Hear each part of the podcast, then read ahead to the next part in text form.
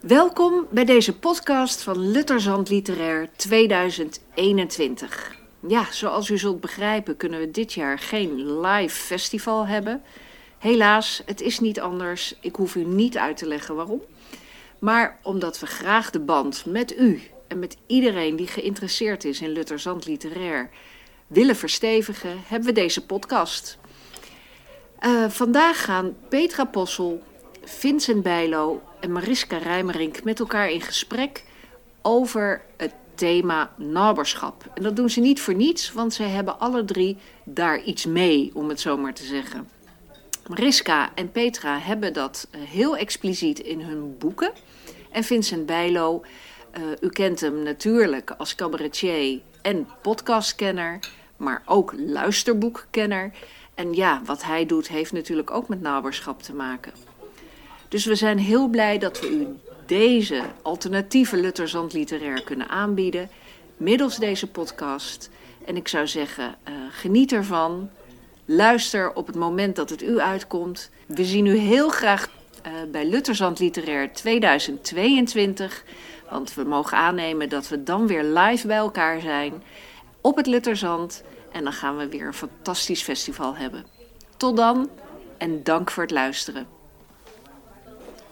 Welkom Lutterzandgangers. Er is dit jaar geen uh, Lutterzand Festival, maar wij zijn er wel. En wij, dat zijn Vincent Bijlo, uh, Petra Possel.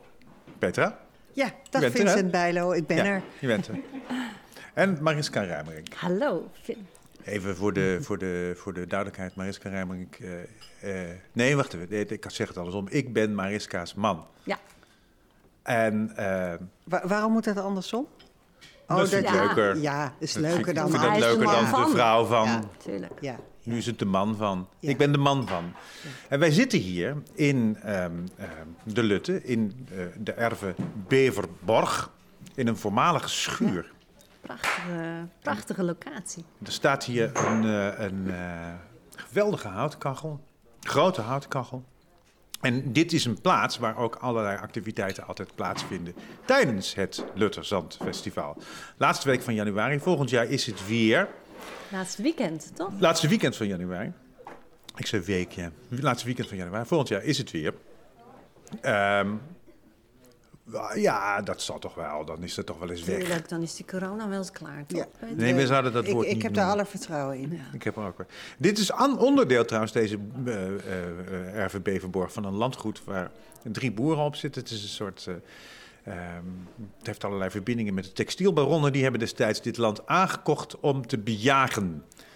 Ja, en er hangen hier dus ook allemaal, allemaal geweien aan, uh, aan de muur. En die, en die zijn nog van de opa. Die heeft de opa geschoten van, uh, van de beheerder. Van, van de beheerder en, uh, en, en ook een van de nazaten van de familie die, uh, die dit hele terrein in beheer hebben.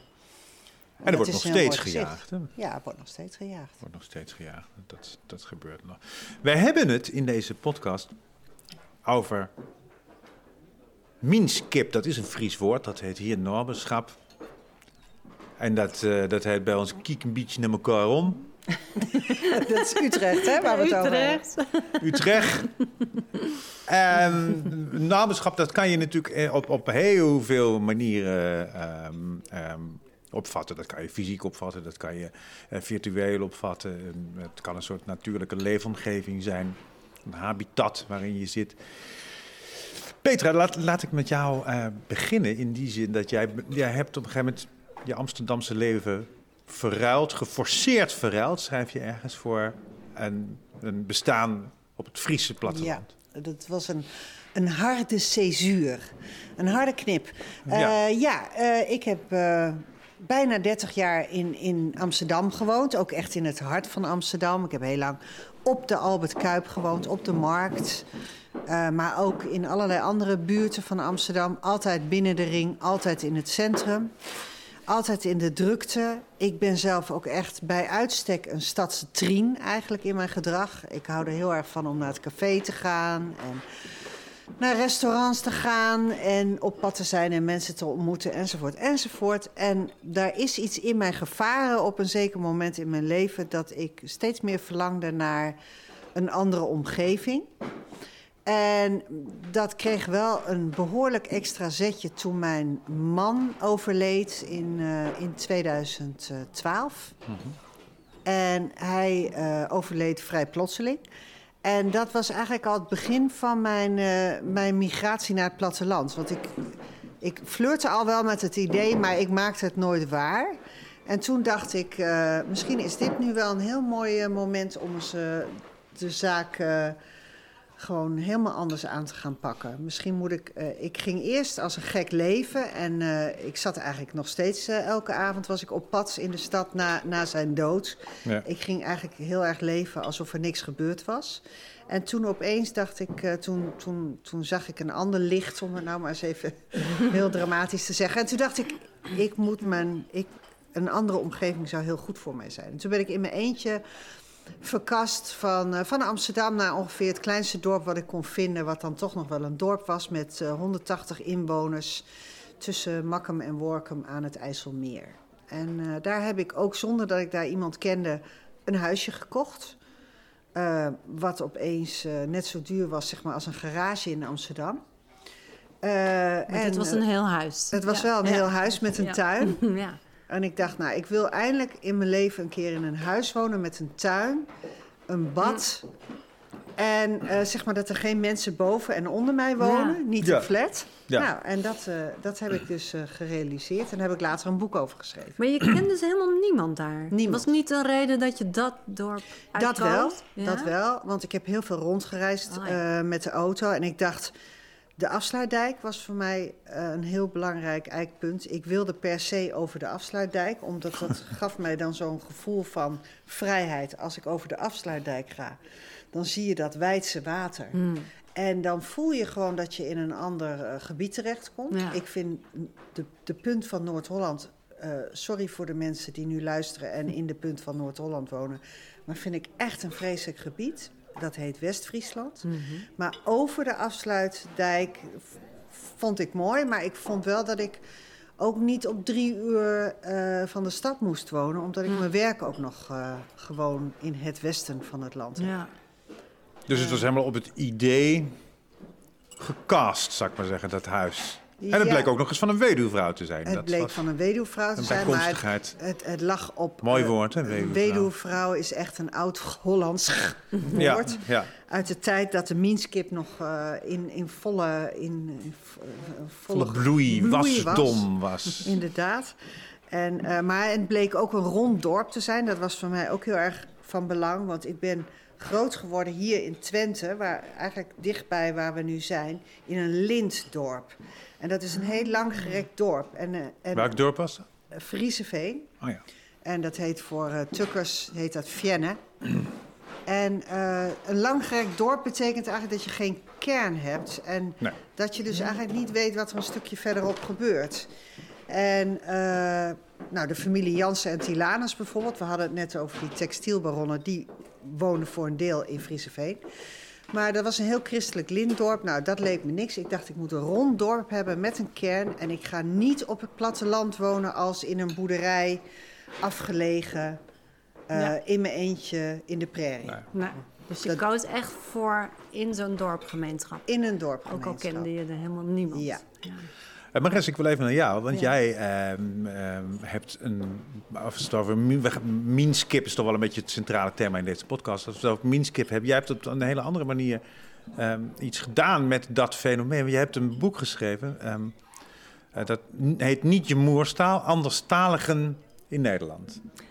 Ja, nou dat heeft wel te maken met onze verhuizing uit 22 jaar geleden. Wij woonden eh, in de stad, in Utrecht, en zijn toen naar Bunnik verhuisd. Wat natuurlijk een dorp is, en wel vlak bij Utrecht. Dus het is niet zo'n grote knip als die jij natuurlijk hebt gemaakt. Maar het was toch wel een behoorlijke migratie. Ik heb jouw boek gelezen Ja. en daarin zeg je gewoon dat je heel erg verdrietig was.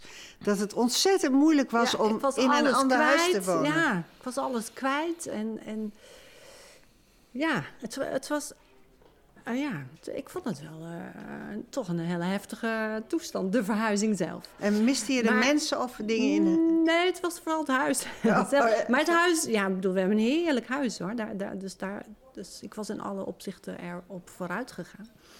Maar nee, ik was daar niet, op zich niet zo verdrietig over. Maar ehm, ik vond het wel Mensen, een da- daar enorme... was het daar, je had daar echt een soort meanskip van dat, de- dat de overburen aanbelden en zei... eh, Ja, in Utrecht. Kun, kun je Ja. de vitrages even recht hangen? Want eh, eh, als ik bij jullie naar binnen kijk, stoor ik me er zo aan. Echt waar? Dus Ja. ik zeg, nou, dan moet je niet naar binnen kijken. Dan ben je er, ben je er vanaf. Nee, dus dat buurtje in Utrecht waar wij woonden was best wel heel dorps. En nu gingen we dus weer in een dorp wonen, in Bunnik. En daar was het toch veel opener. Ja. En er was veel te doen. En eh, nou ja, voor ons werk reizen wij natuurlijk eh, ja, honderd keer per jaar of nog vaker heel Nederland door. Dus Ja. wij, wij hoeven qua culturele activiteiten hoeven wij. eh, ja, dat is ons werk.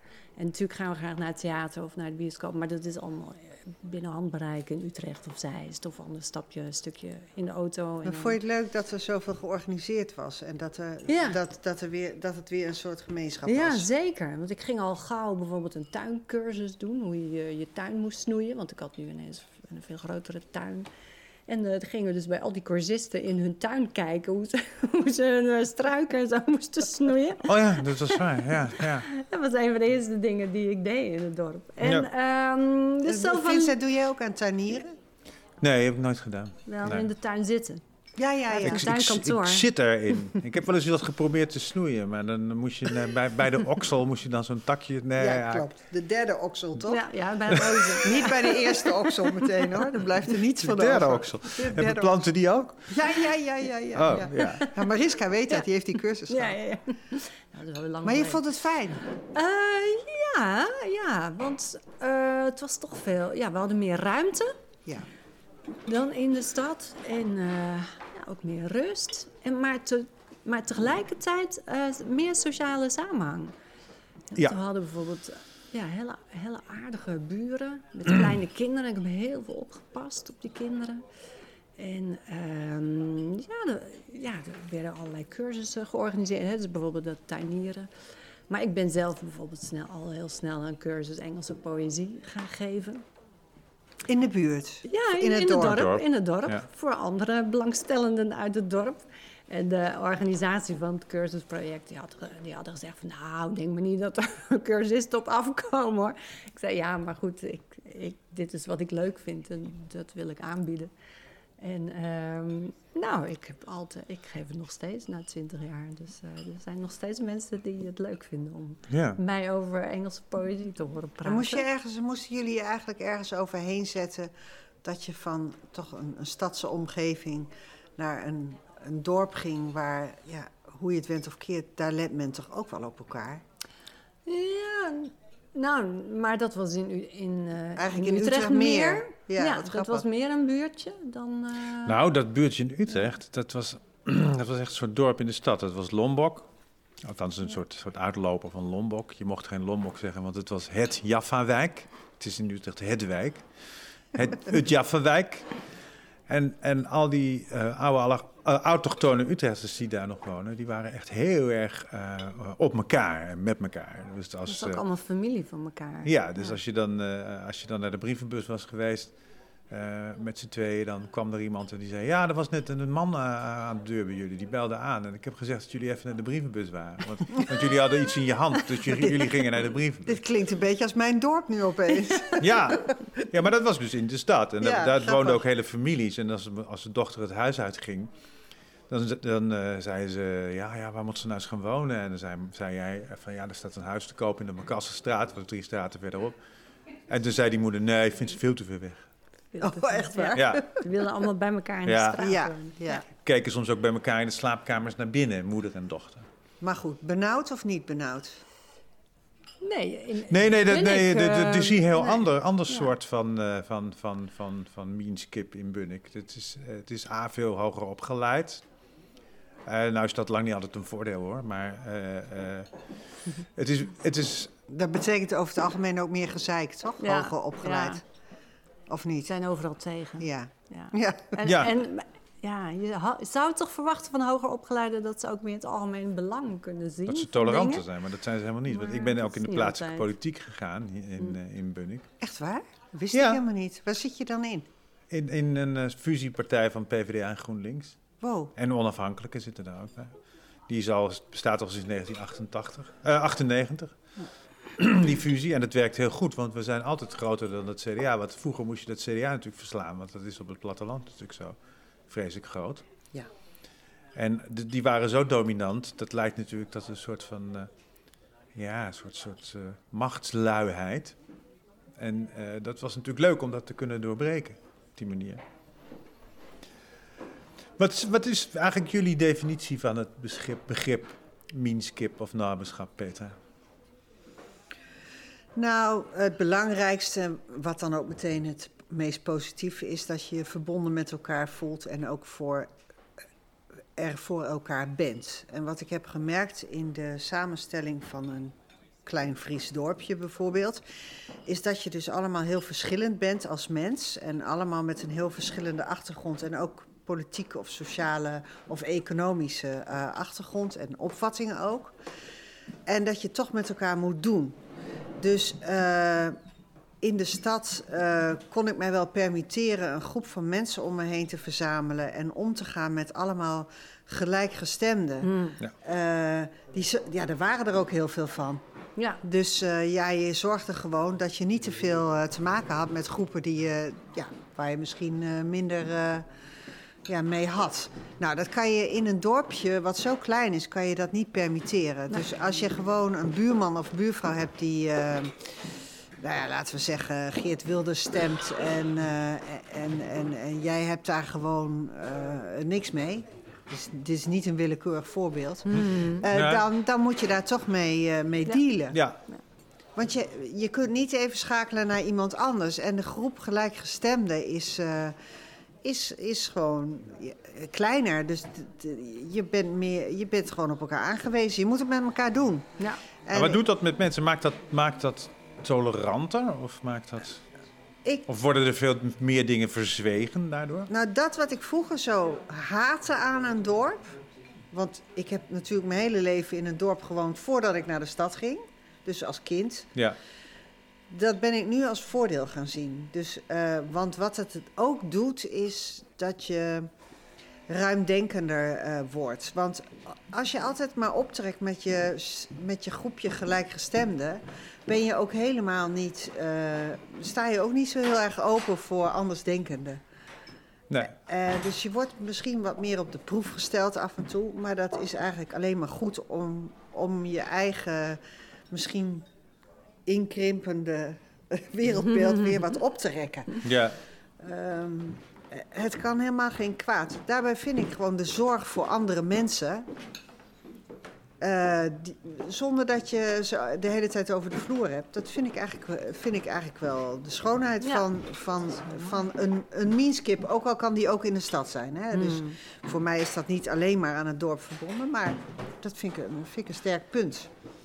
Jouw boek, Maris, dat gaat over, ehm eh, over anderstaligen in Nederland en hoe die zich in een, in een meanskip, zou ik maar zeggen, ehm, eh, kunnen in, Ja, ontplooien. daarin terecht kunnen komen. Ja, oh ja. Ja. ja. En wat is, wat is, gaat dat bij buit- buitenlanders, zo werden ze vroeger altijd genoemd in de dorpen, gaat dat bij nieuwkomers eh, eh, Nou, heel ja, maar- anders dan bij mensen, mensen, mensen die nationaal verhuizen, zou ik maar zeggen?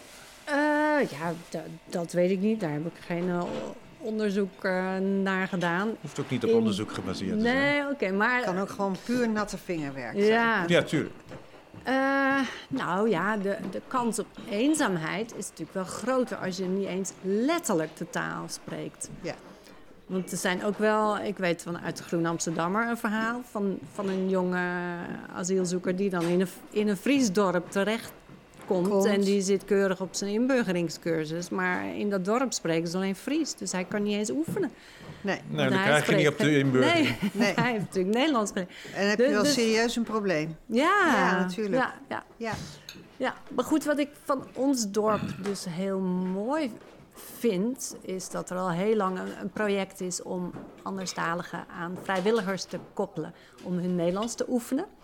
En eh, zo zijn wij ook, eh Vin en ik als echtpaar, gekoppeld aan een ander Ik dacht echtpaar. even dat jullie aan elkaar gekoppeld waren. Nee, wij waren, wij waren al een koppel. Wij Die hebben platte onszelf- Utrecht, hoor. Die... En wij hebben ons zelf gekoppeld. Ja, Al eh, heel lang geleden. Ehm, nee, wij zijn toen als echtpaar gekoppeld aan, aan een echtpaar Ander uit echtpaar. eh, Syrië en Jordanië. En ehm, ja, daar zijn we toen hun Nederlands mee gaan oefenen. En zodoende ken, kenden wij het project dus. En op een gegeven moment zochten ze, zocht men een nieuwe coördinator voor dit project. En eh, dat ben ik toen eh, gaan doen. En dat was heel erg in mijn straatje, want ik ben docent Engels. Dus ik geef al, al heel lang eh, Engels. Meestal op individueel eh, niveau. En eh, dus ja, dus iemand een taal leren, dat, dat, daar weet ik heel veel van. Dus Nou, de- want ik daar ben dat toen je- gaan coördineren. je Ja. schrijft daar ook over. En eigenlijk zijn, als je dan die verhalen leest van dat jij interviewt eigenlijk allemaal mensen die anderstalig zijn, die hier in Nederland komen. En dan zie je gewoon dat de eenzaamheid toch wel heel groot is, Ja. eh, omdat mensen de taal niet eh, beheersen.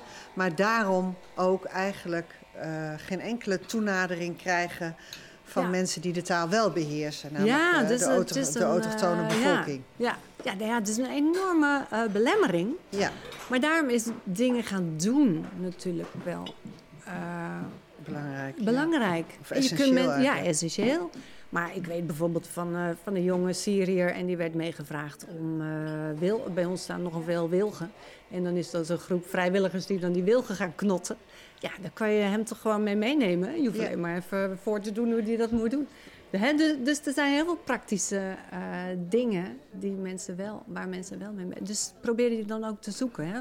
Dat wordt Ja. ook geprobeerd ja. hoor. Door, eh, Hoe heb jij dat aangepakt, Peter, in, eh, in Ja. Friesland? Had, had je überhaupt een taalprobleem? Nou ja, eh, Ja. in Friesland spreken de meeste mensen. En ik ben dus terechtgekomen in een dorpje waar ook een aantal families eh, vrij dominant zijn. Eh, en die spreken Fries. Ja. En Fries is geen dialect, maar een taal. Nee, Dat, moet je dus, dat is de Ja, eerste zin die je leert als je in. Friesland... Ja, dat moet je echt niet verkeerd Dat zeggen. mag je niet Dan heb je verkeerd zeggen, dan word je gewoon, gewoon gespiest.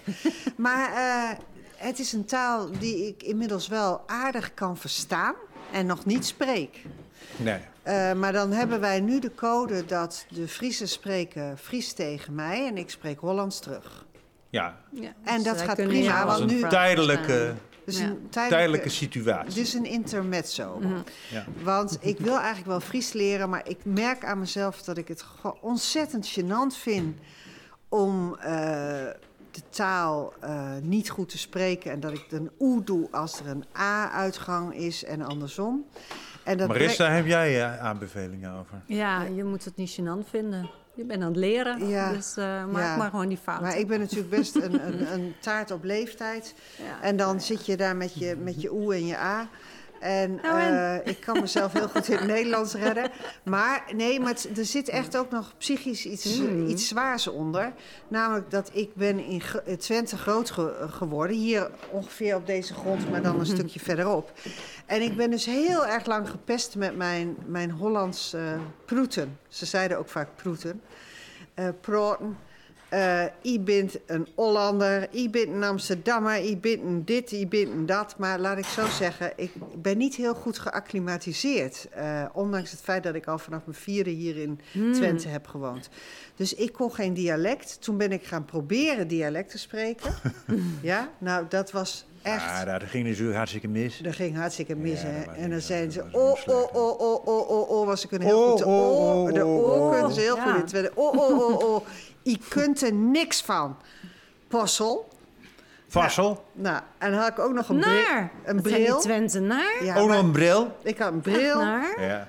En dan ook nog oh, oh, oh, alles verkeerd zeggen.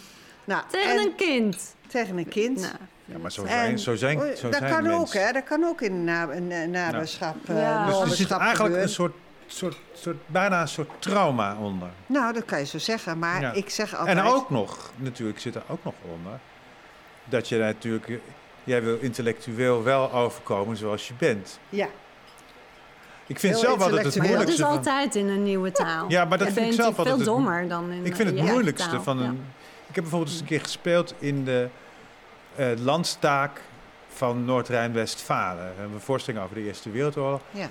En dat Duits hadden we natuurlijk van tevoren eh, geweldig gemaakt. En ik kon dat echt... Ik had het twee weken lang eh, elke dag die teksten honderd keer uitgepreveld om... eh, die Aussprache gewoon echt helemaal goed te krijgen.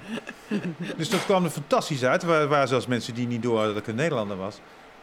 En toen ging ik na afloop op de naborg ging ik praten met die parlementsleden. Nou, jongen, ja, Wat debiel. Je schudt nu heel hard met je hoofd, maar je vond het dus heel ver- vernederend eigenlijk. nou ja, nee, omdat het verschil zo groot was. Ja. Ik bedoel, met, met Nou ja, die... Met die kunnen formuleren in een, in een taal die niet eh, jouw eigen taal is. Nou, dat is. nee, maar die dat voldragen eh, volzinnen die ik bij die voorstelling hoor. Ja, maar die had je ingestudeerd. Jawel. Ja, precies. Die, de, Maar de nog. tekst had hij ingestudeerd. Maar, Net Maar het maakt, je, het maakt je gewoon klein en het maakt je gewoon. Het druk je zo met je neus op falen als je een taal niet goed beheerst. Ja. Eh, dat, dat, en, en het, maar wat het bijvoorbeeld voor mij heeft het betekend dat ik eh, van de weerom stuit. Ik denk dat ik er krachtiger van ben geworden. Dus uiteindelijk, eh, ik ben ook bij de radio gaan werken, waar je toch echt wel heel erg eh, nodig hebt om, om te spreken. In je, in je taal, in je eigen taal, maar ook in het, in het Hollands. Maar ik heb me dus. Ik heb nu helemaal niet meer het gevoel van ik zit in een heel klein Fries dorpje en ik doe niet mee omdat ik eh, geen Fries ben. Nee, nee, nee. Maar dat was wel. Was dat in het begin wel zo? Nee, dat was gewoon zo daar waar ik vandaan kom. Hè, dus, dus ja, in Twente was het ik, ja, ik heb, Ja, dat, ja, ja. ik heb dat eigenlijk overleefd, zeg maar. Ja, en, ja, ja. Nu, en nu voel ik me daar helemaal niet meer beroerd over, maar dat was toen wel zo. Ja. Ja, Want Ja. je moet je toch leren uitdrukken in, in, een, in een taal, een taal die, die, die je niet eigen is. ja. En dat zet je altijd op achterstand, Ja, eigenlijk. tuurlijk, ja. ja. En het, het vertraagt je deelname aan eh de Minskip. Dat maakt het ingewikkelder. Plus natuurlijk ook dat ik zo'n vrouw ben die 's ochtends al rode lippenstift opdoet. En met een rolkoffer en het haar in de lucht eh, in een eh, autootje stapt. Ja, en dat is nee. niet de attitude die heel erg past, zeg maar, altijd bij een heel klein dorpje. Nee. Maar goed, daar zijn ze nu toch aan gewend. Ja, nee, zeker. Nee, ik, het kan me ook niet meer schelen. niet meer anders. Hoe help jij eh, eh, de nieuwkomers om, eh, om eh, te integreren, Maris? Om, Nou ja, in ik- de Minskip. Eh, toen ik dus nog coördinator was, ben ik een aantal jaar geleden mee gestopt, maar ik heb het jaren gedaan, eh, eh, zocht ik dus een, een, een taalvrijwilliger. En die koppelde ik aan de, aan de nieuwkomer. En Ja. dan gingen zij in principe eens per week samen oefenen, praten. Vaak ze het ook vaker en langer dan ik had aangeraden.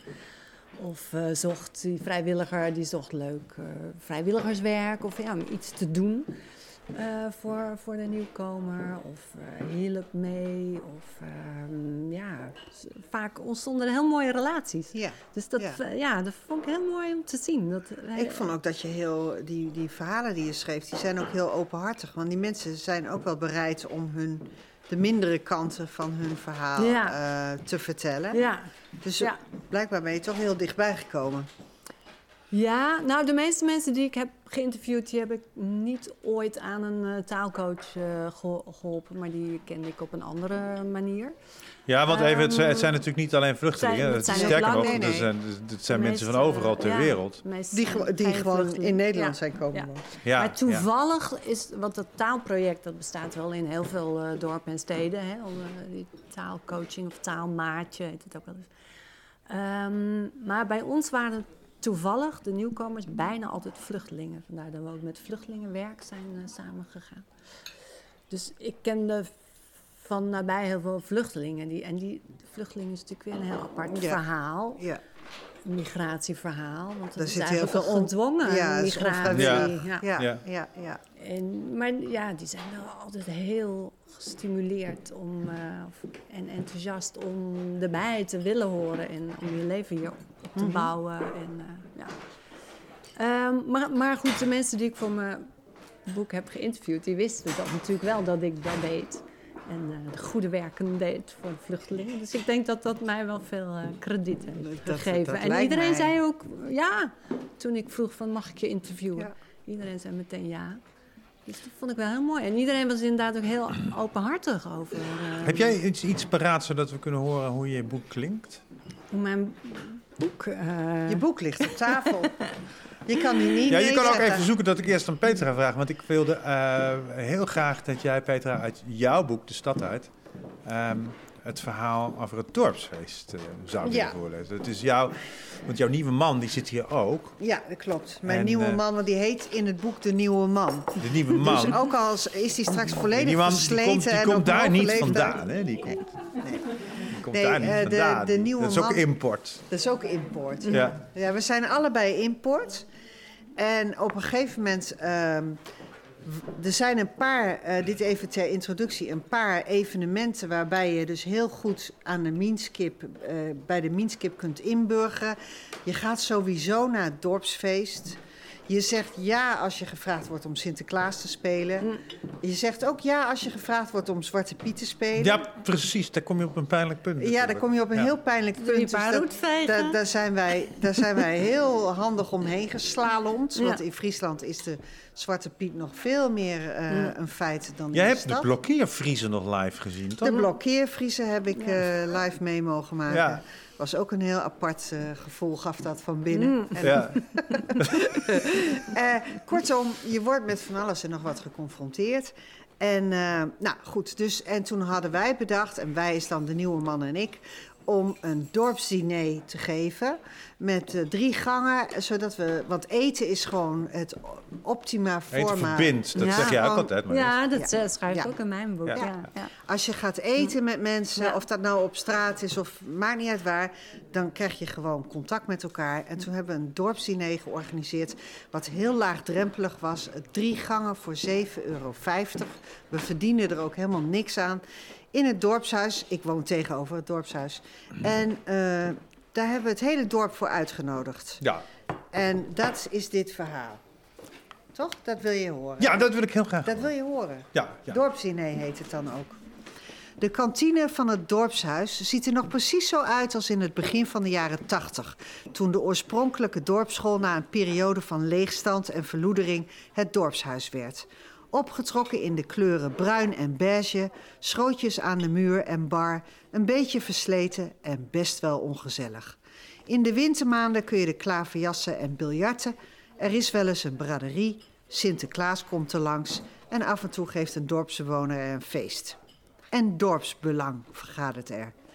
Het is negen uur s'avonds en ik mag aan de barcommissie van Dorpsbelang uitleggen wat mijn plannen zijn. Nu ja, de plannen van mij en de nieuwe man die in het dagelijks leven professioneel kok is en voor grote gezelschappen kookt. In een jolige bui hebben we het idee opgevat om een betaalbaar dorpsdiner te koken voor de dorpsbewoners. Het begrip sociale cohesie, waarover de broodbusman het had gehad, dat is een verhaal eerder uit het boek, maakt onbewust toch indruk en met zo'n dorpsdiner kunnen we ons steentje bijdragen aan de Minskip. Nu zitten we dus tegenover de vijfkoppige commissie bestaande uit mijn klusjesman, de zus van de broodbusman, een dame die bij LTO Nederland werkt, een gepensioneerde veeteeltboer die aan de dorpsrand woont en de gepensioneerde jurist, tevens voorzitter van Dorpsbelang. Met belangstelling wordt geluisterd als ik ons plan uit de doeken doe. Mooi plan, mensen, zegt mijn klusjesman als eerste. De rest van het gezelschap knikt vriendelijk. Dat we slechts 7,50 euro voor een drie-gangen diner vragen en dus tegen kostprijs werken, valt in goede aarde. Niet iedereen kan een restaurantbezoek betalen, zegt mijn klusjesman. En daarover is men het roerend eens. Bij het onderwerp wijn krijgen we een zuchtje tegenwind. De wijn van de kantine doet het glazuur van je tanden springen. Hij komt uit een literfles van nog geen 4 euro. Het is de goedkoopste van de supermarkt. We hebben prima wijn, zegt mijn klusjesman, die, de, die verantwoordelijk is voor de inkoop. Jij drinkt alleen maar bier, hoe weet je dat nou? riposteer ik en iedereen moet lachen. Het principe van een dorp is dat je er samen uit moet komen. Pure noodzaak. Het is te klein om onmin te hebben. Dus sluiten we een compromis. Twee wijnen op de kaart, zowel de kantinewijn A1,75 per glas als die van ons A2,50 per glas. Dat onze wijn betrokken wordt bij twee broers uit Stavoren maakt het sluiten van een compromis een stuk gemakkelijker. Ik schrijf bij wijze van uitnodiging een tekst voor het dorpsblaadje dat door iedereen gelezen wordt. Er staat in wie ziek is, geboren of gestorven en wat er aan festiviteiten in en rond het dorp is. Voor de zekerheid meld ik ook nog dat er een folder in de bus komt. En nu is het wachten op de eerste reserveringen. Als er maar 15 mensen reserveren, doen we het gewoon thuis, dek ik mij alvast in. De eerste dagen druppelen de aanmeldingen binnen, maar van een massale toeloop is geen sprake. De meeste mensen wachten op de folder, zegt de buurman. Ze willen een strookje inleveren. Ze hebben niet allemaal internet. En dus maak ik snel een flyer, eentje met zo'n strookje en een stippellijn. Ik heb in jaren geen flyer meer gemaakt. Op een zonnige avond gaan we van deur naar deur. Van brievenbus naar brievenbus en de dagen daarna vallen er steeds meer strookjes in de bus. Strookjes met de namen van mensen die ik niet of nauwelijks ken. In prachtige schuine letters, het ouderwetse handschrift zoals ik van mijn ouders ken. En uiteindelijk melden zich 65 mensen aan. Een derde van de dorpspopulatie zal bij ons aan tafel schuiven. Op een warme zaterdag schillen we tientallen kilo's aardappels, Frieslanders, en stoven we kilo's vlees en trekken we liters bouillon. En zondags dekken we de lange tafels in de kantine met wit linnen en zetten bloemen op tafel. De buren nemen in gezelschap van een geldkistje plaats achter een tafeltje met een Persisch kleedje. Dit is de kassa. Twee mensen van dorpsbelang bemannen de bar. Ver voor starttijd druppelen de eerste gasten al binnen. Sommigen schuchter en afwachter, anderen met grote praatjes en een gulle lach. De sokkenvrouw en haar man, de broodbusman en zijn ouders, de zwaluwman en zijn vriendin, de achterburen, de klusjesman, de weduwe van de dijk, de voorzitter van dorpsbelangen en zijn vrouw, randstedelingen van het verbouwde kerkje, de boer in Rusten en zijn vrouw, die net buiten de bebouwde koom wonen, de weduwe met de sportwagen en haar man, de loodgieter en zijn vriendin, de nieuwe eigenaren van de pastorie, ze zijn er allemaal. We delen bij wijze van amuse glaasjes groentebouillon uit. Daarna komt ouderwetse huzarensalade met draadjesvlees en een half gekookt ei. Vervolgens gestoofde kip met ossewit gebakken aardappels, huisgemaakte mayonaise, gevulde tomaat, gestoofde bospeen en knolselderij puree. Ja, ik doe altijd een heel menu overal in. Het tempo is moordend. De gasten eten alsof hun leven ervan afhangt. We kunnen er nauwelijks tegen, op, tegen opkoken. Veel mensen hebben thuis hun eten in een kwartier op, fluistert de buurman, terwijl ik het zweet van mijn voorhoofd wis. Na het hoofdrecht planten enkele mannen hun ellebogen demonstratief op tafel, alsof ze willen zeggen: Kom maar op met die volgende gang. Laat je niet gek maken, zegt de buurman. En ik volg zijn advies op. Ten slotte trekken we onze laatste troef uit de mouw: het toetje. Frisa Misou. Frisa Mi wat? Gonst het verbaasd door de kantine. Geduldig legt de nieuwe man uit dat deze culinaire creatie varieert op het Italiaanse tiramisu, maar dan met Friese dumkes, Berenburg en Douwe Egberts koffie. Nu is het dorp definitief om. Ja.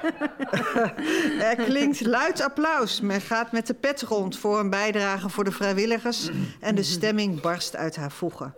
Als we de laatste gasten uitzwaaien, nemen we een flink glas wijn. Iets duurdere natuurlijk, vanzelfsprekend. En kijken we elkaar aan. Ons gezicht heeft zich in een grijns getrokken, onze ogen glanzen. Er is ons iets overkomen. De volgende ochtend sleep ik mezelf uit bed en ga ik met tegenzin en zware benen wandelen. Bij de moestuin trof, tref ik de dorpsoudste aan en ik vraag hem of het is bevallen, het dorpsdiner. Ben niet aan een skieterie geraakt, dus het was goed, zegt hij met een lach van oor tot oor. Yeah! En die, en die dorpsoudste is helaas ons inmiddels ontvallen. Hmm. Ja. Dus het is ook nog geschiedenis. Het is geschiedenis, ja. En, en, en, de, en de kok voor grote gezelschappen, dat is dus gewoon uiteindelijk de nieuwe man geworden. Ja, de kok van grote gezelschap is de nieuwe man. En zo eindigt het boek ook. Ja, uiteindelijk, uh, want de nieuwe man die, houdt geluk, die komt ook uit een grote stad, maar die houdt ook van het kleine dorp, gelukkig. Dus die is nu helemaal ingeburgerd. En we hebben samen nu 17 kerstkaarten dit jaar ontvangen. Dus uh, ja, uh, heerlijk koffie. Ja, ja. mooi hè. Maar het doet mij een beetje denken aan, aan, aan de, de multiculturele eethuizen in, in, uh, in ons dorp. Ja. Nou waren die natuurlijk wel anders, maar dat heeft, dat is, dat is, dat heeft dezelfde functie. Leg die even dus we- uit. eh, we hadden op een dag bedacht, of het ons eigenlijk mijn Syrische vriendin had bedacht, dat het leuk is om samen te eten. Ja. Dus dat, dat iedereen neemt dan eten mee voor het aantal mensen waar die mee komt. Hè, dus gezinnen van vier personen nemen Vier maaltijden. gerecht voor Ja. eh, vier personen mee. En eh, nou, dat zetten we allemaal op een buffet. Wij zorgen dus voor de ruimte en de, en de drank. En eh, eten maar. En, En en, daar komen mensen lange veel, tafels. Ja, en ja, er ja. komen veel mensen op af. Ja, ja, tussen de 50 en 70. Echt waar? Ja. Ook Ja. zoveel. Ja, met Wow. kinderen. Want zij zei, want er was wel een theehuis, bestond er wel. Dus dat mensen een kopje thee konden drinken. En dan, eh, ja, dat is natuurlijk heel makkelijk georganiseerd. Maar ja, daar komen geen anderstaligen naartoe. Want die. eh, Dus als je een heel rij met goedwillende autochtonen. ja, Dat precies. Want die, ja, die, die regelnamen, Ja, die doen niet aan, nou, daar zijn ze er aan babysit. dus die, als die Doen we kinderen... toch dat, verdorie. organiseren we dat? Ja, komen ze maar Komen niet. ze niet. Ja, nee, hè, omdat die, die zitten met kleine kinderen thuis en dan babysits doen ze niet. Dus, doen nog eh, zoiets, dus hè? dan, kunnen ze, dan kunnen ze niet. Dus Hanan had bedacht van ja, we moeten, er moet iets waarbij de kinderen mee kunnen. Maar het is ook En dat is eten. Ja, samen eten. Dus het was van half zes tot half acht. Een drukte van belang en dan eh, was iedereen weer weg naar de koffie. Hartstikke leuk. Maar eh, vind je dan ook niet uit zijn opkomst, maar dat denk ik ook bij het eigen dorpsdiner. Mm. Daar blijkt dan ook uit dat we toch wel lijden aan een vorm van, eh, van eh, gezelschapsarmoede. Ja, We willen volgens Ja. mij graag toch met Ja, elkaar zijn. met elkaar, ja. Want altijd maar in dat isolement, nou ja, Mm. dat is in deze tijd natuurlijk al helemaal Ja. moordend, maar Ja. is gewoon toch niet fijn. Je wil, met ook, je wil toch onderdeel ja. uitmaken van een van gemeenschap. een- Ja, ja. Terwijl Nou we ja, allemaal zo solistisch zijn geworden in die jaren ehm 70, 60, 70. toen Nou is ja. het begonnen. Ja. Ja. Nou ja, ik hoef het ook niet elke week. Maar een paar keer per jaar eh, was De het Mitsen en Maren komen nu eerst. Maar ze hadden het wel handiger aangepakt Ja. dan jij, Peter. Want zij hoeft het niet te koken. Alle, ja, voor vier mensen. Ja, Ja, maar luister, is als, wij dat, als we dat anders aan hadden gepakt, was het nooit dan was het geworden. niet tevreden geweest. Nou, dat niet. Dat wel, denk ik wel. Maar dan, nee, je moet... nee, ja, dan was het niet gebeurd waarschijnlijk. want dan was het niet nee, gebeurd. Kijk, we hebben ook natuurlijk Maar ik vind dat, dat dit soort diners vind ik zo leuk. Want je leert dus ook... Dan krijg je opeens eh, Somalische pannenkoekjes en zo. En, Ja, eh, en ja. eh, allerlei soorten. Het was een waanzinnig wat er op tafel stond. Ook hele, Ja. hele vieze macaroni-elleboogjes met alleen kaas. En van welk land kwamen die dan? Gewoon Nederland waarschijnlijk. Ja. Of de achterbuurt Syrië. van Ik denk dat dat Afif's schotel was. Ja, die is Syriër, maar Ja, die Afif had- hield, die had een, dat is onze pleegzoon, maar die, ehm, die had een enorme teringhekel aan groenten. Ja, Behalve Oh, als, het, als, als het bij ons was. Ja. dus macaroni met de kaassaus. Dat Ja. was wat hij at. Dat vond hij, dat vond hij het beste eigenlijk. Heb jij iets eh, ondertussen gevonden om eh, te lezen? Ehm, ja, ik dacht misschien ehm, eh, dit stukje. Een van de leuke kanten van mijn functie, hè, dus coördinator, was dat ik bij veel mensen thuis mocht komen. Ik deed dit om een betere indruk te krijgen van iemand, om vervolgens een betere match te kunnen maken. Overal werd ik met veel hartelijkheid ontvangen, ja, bij de anderstaligen. Ehm, ja, bij de Nederlanders, Nederlanders ook wel, maar dat is altijd een kopje thee en een biscuitje. Maar bij anderstaligen staat Krijg je echt eten, hè? Ja, maar ook hele schalen met koekjes en dingetjes. Dus dat, eh, Maar hier ook, hè? Wil ik even tussendoor. Ja, ja, hier, eh, hier zijn hier we in eh, Twente, hier in eh, Twente staan ook de is bakkenpoten op tafel. typische Twentse gastvrijheid. Bij Lutter Zand Literair staat ook de, de bakkenpoten op tafel. Heel goed. Ik kwam meestal bij mensen die nog maar net in ons dorp woonden en voor wie alles nog nieuw was. Ik had dan een gesprek eh, met handen en voeten en heel slecht Engels, waarbij ze hun lesboek lieten zien en vertelden wanneer ze naar school gingen. Ik bedacht naar aanleiding van zo'n bezoekje welke taalcoach goed bij deze nieuwkomer zou passen en regelde dan een eerste ontmoeting. Ook gaf ik de taalcoach nog wat extra lesmateriaal van Het Begint met Taal. Dat is een organisatie die dat eh, regelt. En dan gingen ze wekelijks aan de slag met de taal en het leven hier in Nederland. Een van die huisbezoeken staat nog op mijn netvlies. Een echtpaar dat hier al jaren woonde, had een pleegzoon in huis genomen. Een minderjarige Somalische asielzoeker van een jaar of twaalf. Ik werd, als altijd daar, met alle egaars en lekkere hapjes ontvangen. en nam plaats op hun gezellige hoekbank. Half in elkaar gedoken zat de jongen daar ook. Hij stond ter nood op om mij een hand te geven. Ik gaf hem mijn pen en notitieboekje en vroeg hem zijn naam op te schrijven. Hij hield de pen heel onhandig vast en schreef in hanenpoten. Met wat extra moeite vond ik een jonge taalcoach voor hem, die met hem ging voetballen en fietsen. Want de meeste taalvrijwilligers zijn al wat ouder, vaak gepensioneerden. Ja. ja. Ja. Ja. Ehm, ook ging hij natuurlijk vijf dagen per week naar school. Toen ik hem een jaar later zag, was hij niet alleen een kop groter, maar hij sprak vloeiend Nederlands. Hij straalde en zei dat hij alleen nog maar wilde leren, leren, leren. Echt waar? Ja, dus iemand kan zo snel uh, ombloeien. Ja. Dat is heel mooi. Ja. En ik heb veel mensen aan elkaar mogen koppelen. En vaak zijn tussen de taalcoaches en nieuwkomers langdurige en dierbare contacten ontstaan. Als gevolg daarvan werd ik ook nog eens uitgenodigd op verjaardagen en kraamvisites. Helaas kon ik wegens tijdgebrek niet overal op ingaan, maar één bezoek zal ik jullie niet onthouden.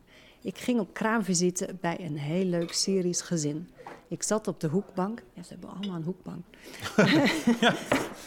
en een hele grote tv. Daar moeten we straks even wat langer op doorgaan, op die hoekbank.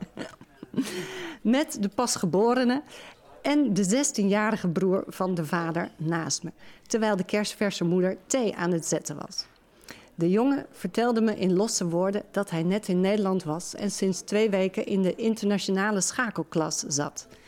Hij had uh, daar een Nederlands liedje geleerd van ene Gordon. of ik dat kende. Klinkt net als gordel, Ja. Gordel. je zegt. Oké. Ik kende het niet, maar hij liet me zijn lesboek zien en, toen, en hij zette in. En toen herkende ik het wel, het liedje.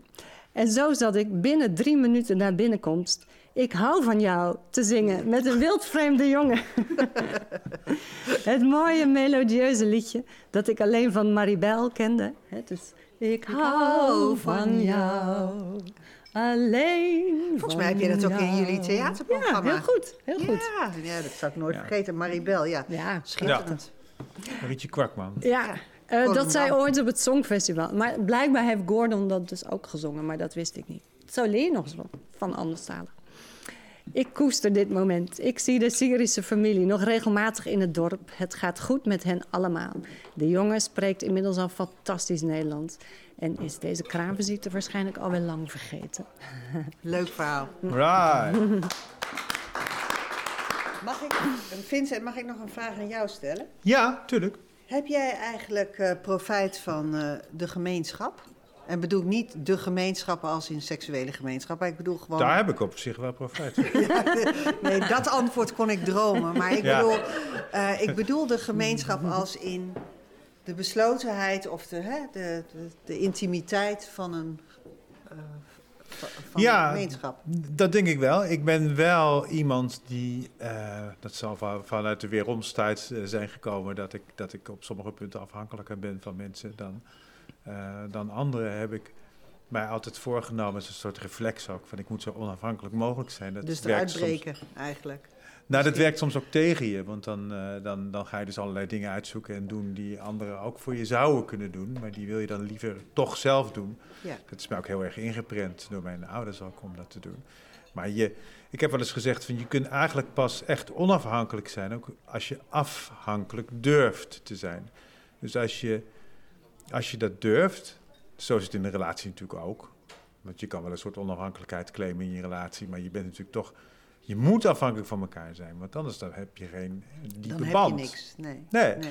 Dus, ehm, maar ik heb wel degelijk baat bij die gemeenschap. We, we behoren allemaal tot een, tot, een, tot een fysiek netwerk. En dat is heel prettig. Ik, ik heb het wel moeten leren ook om mensen te vragen om, om, om iets voor me te doen. Of, of even met me mee te lopen ergens heen. Of, eh, eh, ja, ik vond het...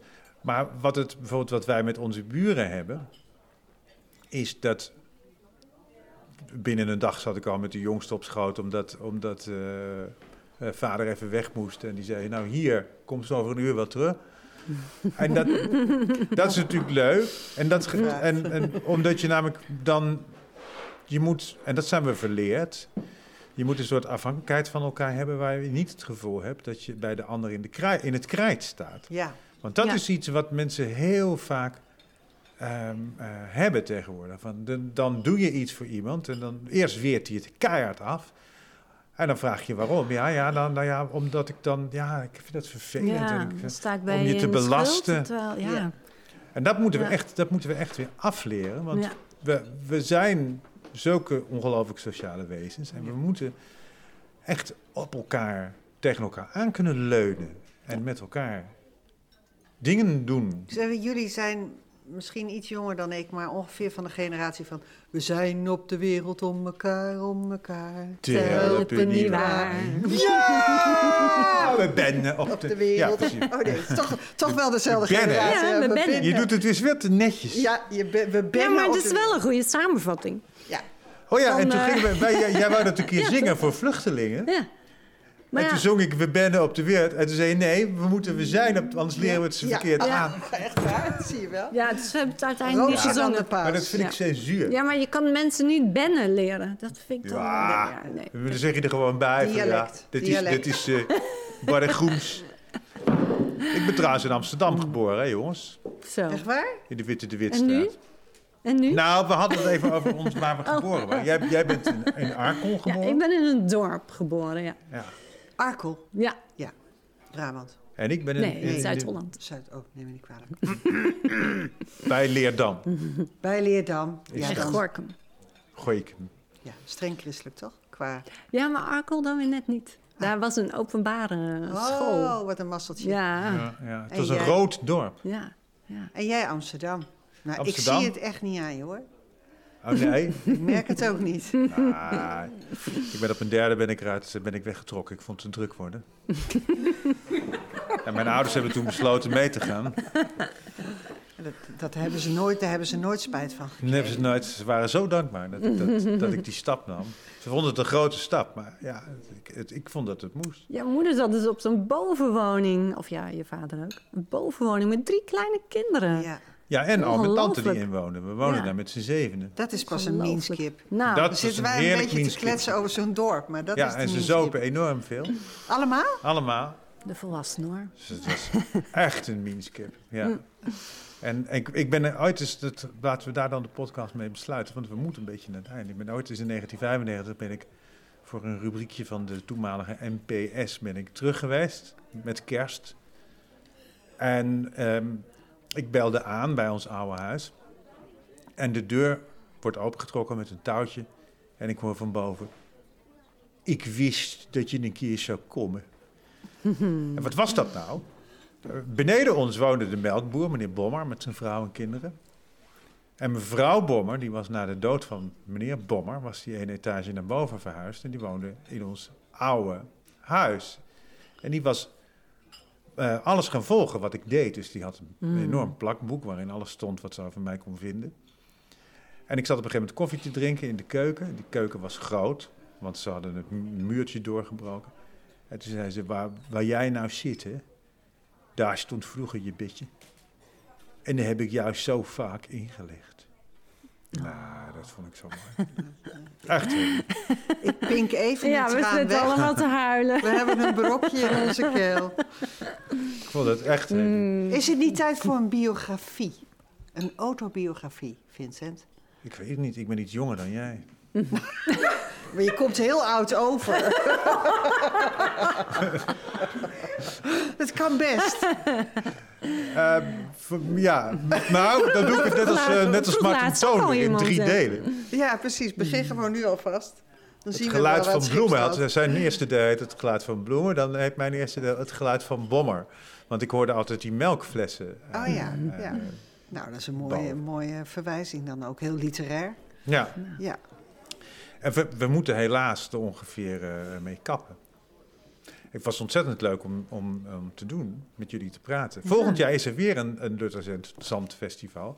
Lutterzand literair. Lutterzand Literair. En mocht je nou, luisteraar, een, een verhaal willen schrijven dat je hier gaat voordragen... en dat ook misschien in de Tubantia komt... dan kun je dat inzenden. Hoe moet dat eigenlijk, Doreen? Kom, pak mijn microfoon. Oh ja. Ja, Vincent, ehm, dat moet natuurlijk nog geregeld Dorine worden. Staes, de, de organisator. Eh, een van de, nou, mede-organisator de of organisator. echt De, De. de, organisator. de, hè? Initiator ook. Ja. De initiator ook. Ja. Dus, eh, het is niet zomaar iemand die je nu hoort. Weliswaar doe ik dat natuurlijk niet alleen. Met heel veel vrijwilligers hier uit de buurt. Dus dat is echt naberschap. En het bestuur komt ook hier uit de buurt. En heel veel mensen die op wat voor manier meewerken, komen ook uit de buurt. Dus Ja. dat is naberschap ten voeten uit. Ehm, Het verhaal, ja, hoe werkt dat? nou, wij hebben tot op heden ieder jaar een schrijfwedstrijd gehad. En dat doen we samen met de Twentse Courant Tubantia, TC Tubantia.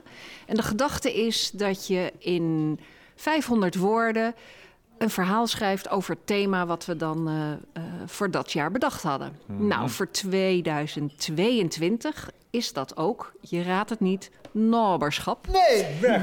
Ja, Maar dat is origineel en creatief en zo. Wat Ja, ja.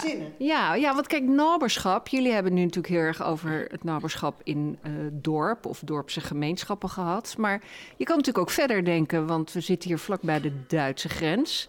Ja, in feite heb je natuurlijk ook een naberschap met onze Duitse buren. Nachtbaan. ja. precies. Of Nachtbaanschaft. naberschap, omdat we in ons Lutterzand ehm, een beetje op elkaar letten. Mensen die iets minder goed ter been zijn of wat ouder en wel eens wat eh, nou, hulp nodig hebben. Zeker in deze coronatijd natuurlijk. Eh, ja, zijn we met de iets jongere mensen vaak bij iedereen langs gegaan van... nou, kunnen we een boodschapje voor je doen? Eh, Kunnen we iets anders voor je betekenen?